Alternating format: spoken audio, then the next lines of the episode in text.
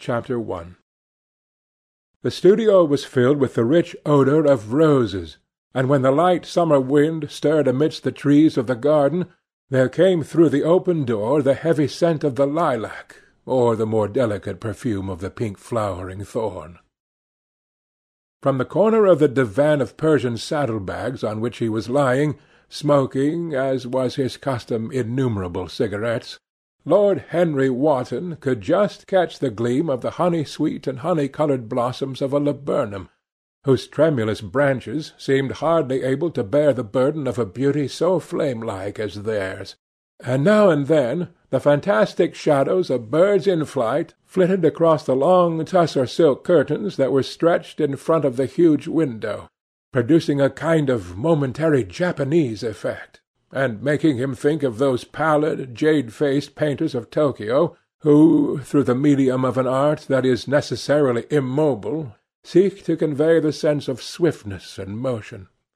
The sullen murmur of the bees, shouldering their way through the long unmown grass, or circling with monotonous insistence round the dusty gilt horns of the struggling woodbine, seemed to make the stillness more oppressive.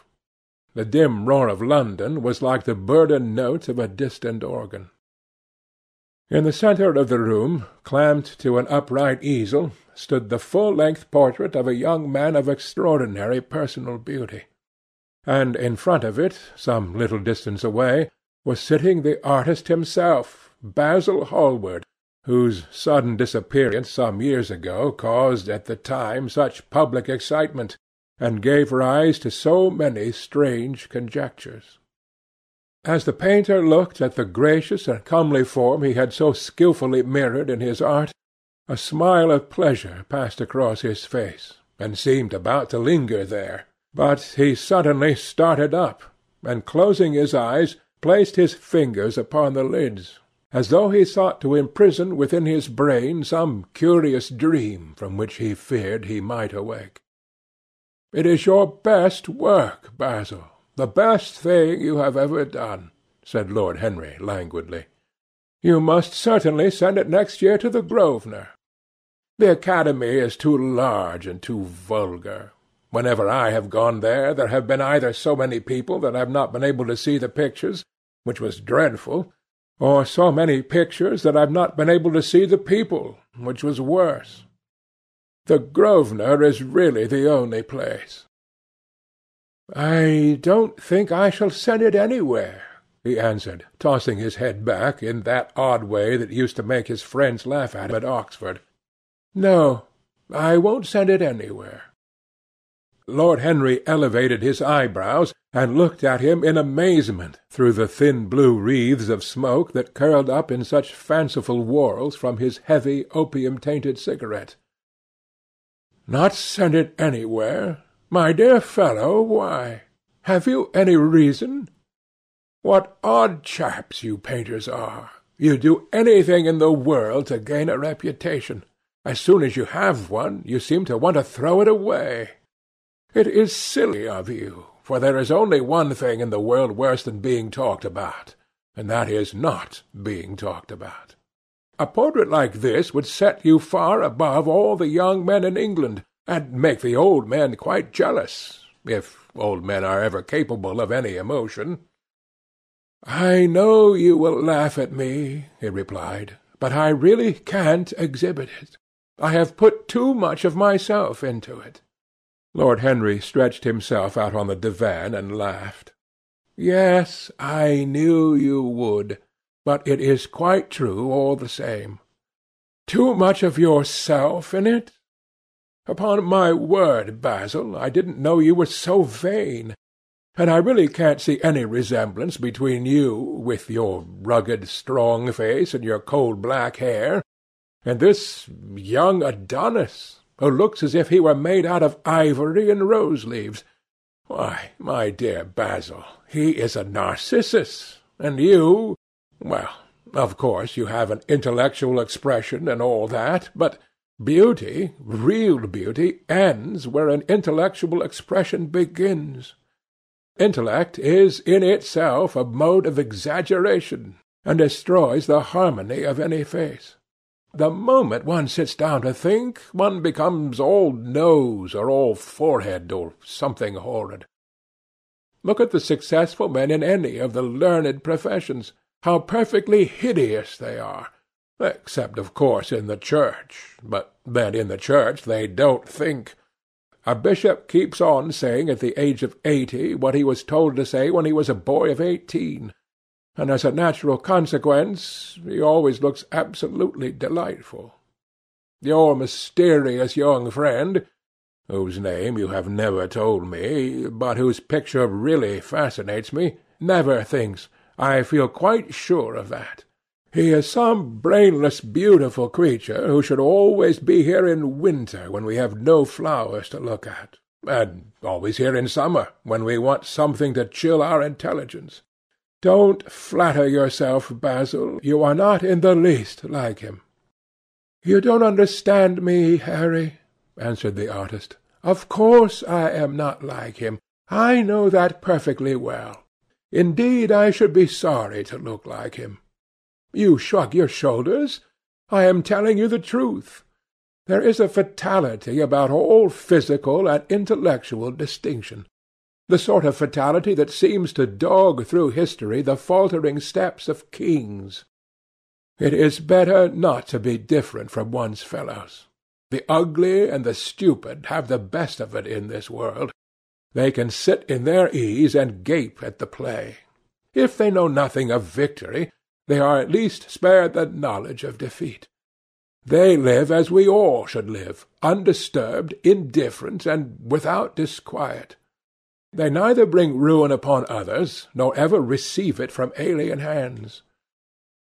Your rank and wealth, Harry, my brains, such as they are, my art, whatever it may be worth, Dorian Gray's good looks, we shall all suffer for what the gods have given us, suffer terribly. Dorian Gray? Is that his name? asked Lord Henry, walking across the studio towards Basil Hallward. Yes, that is his name. I didn't intend to tell it to you. But why not? Oh, I can't explain. I, when I like people immensely, I never tell their names to any one. It's like surrendering a part of them. I have grown to love secrecy. It seems to be the one thing that can make modern life mysterious or marvellous to us. The commonest thing is delightful if only one hides it. When I leave town now, I never tell my people where I am going. If I did, I would lose all my pleasure. It is a silly habit, I dare say, but somehow it seems to bring a great deal of romance into one's life. I suppose you think me awfully foolish about it." "Not at all," answered Lord Henry. "Not at all, my dear Basil. You seem to forget that I am married. And the one charm of marriage is that it makes a life of deception absolutely necessary for both parties. I never know where my wife is, and my wife never knows what I am doing. When we meet—we do meet occasionally when we dine out together, or go down to the Duke's, we tell each other the most absurd stories with the most serious faces. My wife is very good at it, much better, in fact, than I am.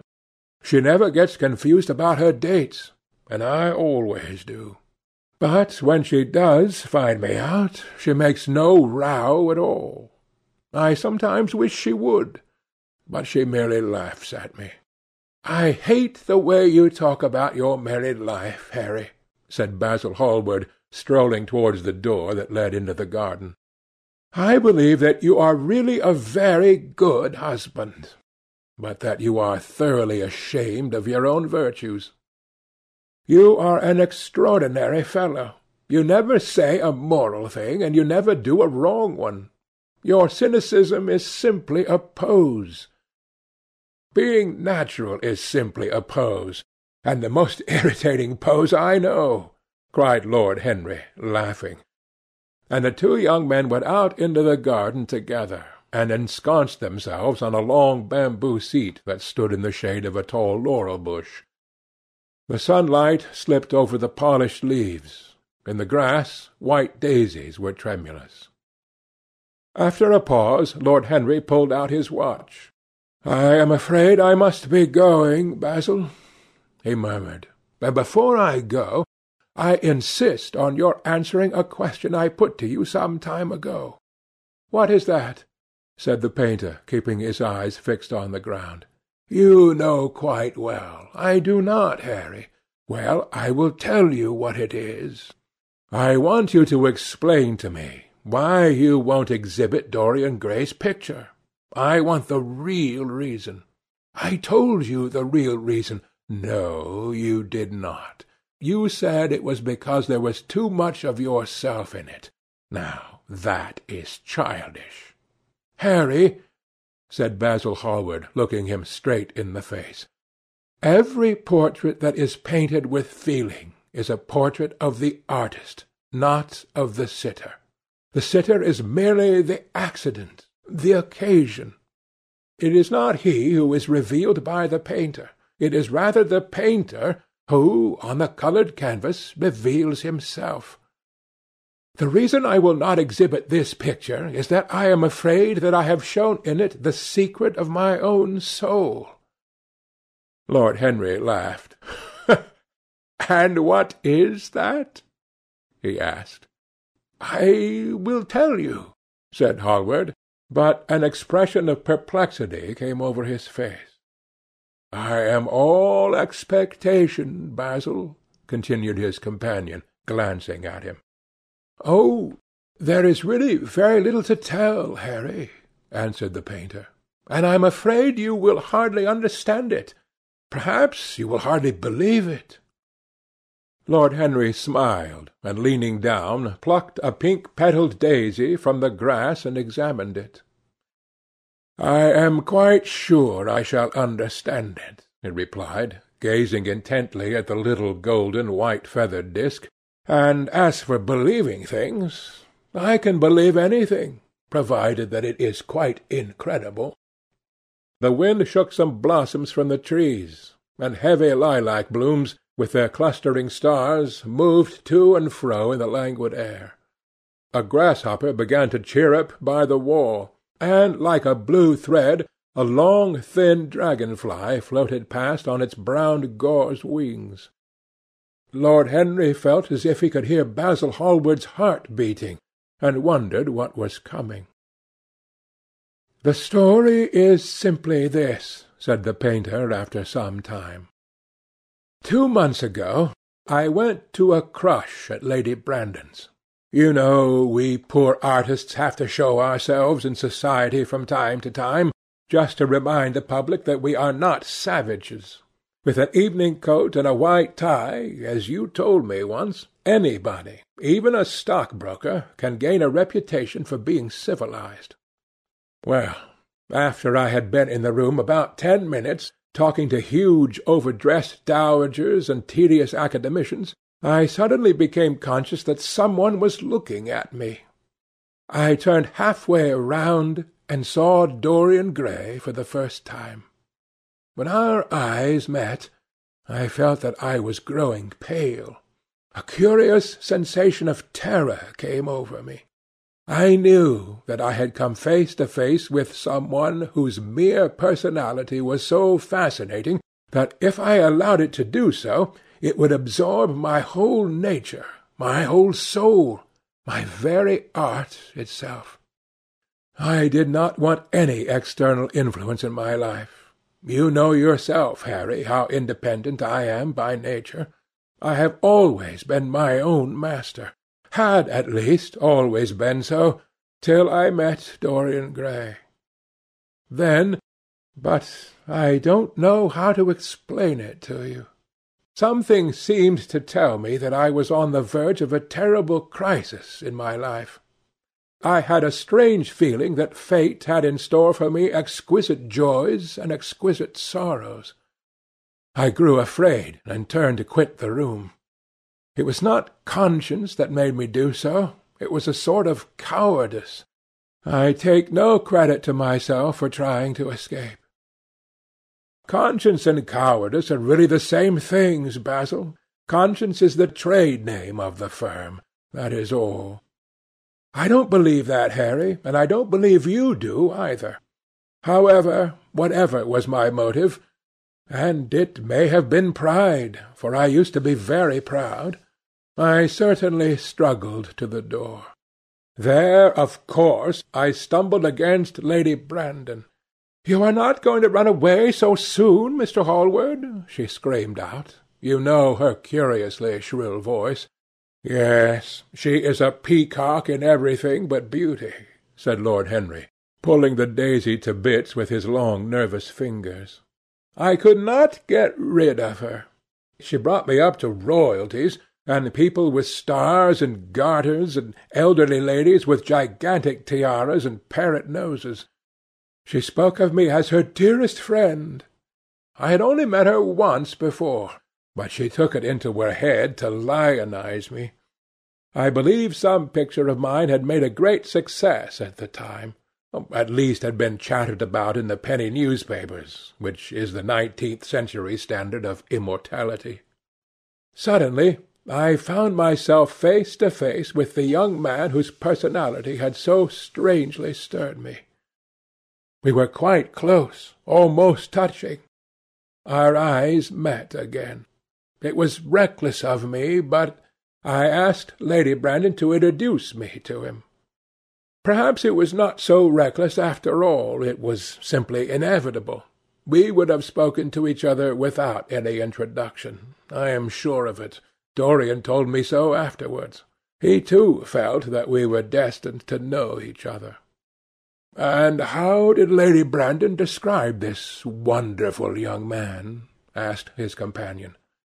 "I know she goes in for giving a rapid précis of all her guests. I remember her bringing me up to a truculent and red-faced old gentleman covered all over with orders and ribbons, and hissing into my ear, in a tragic whisper which must have been perfectly audible to everybody in the room, the most astounding details. I simply fled. I like to find out people for myself. But Lady Brandon treats her guests exactly as an auctioneer treats his goods. She either explains them entirely away, or tells one everything about them except what one wants to know.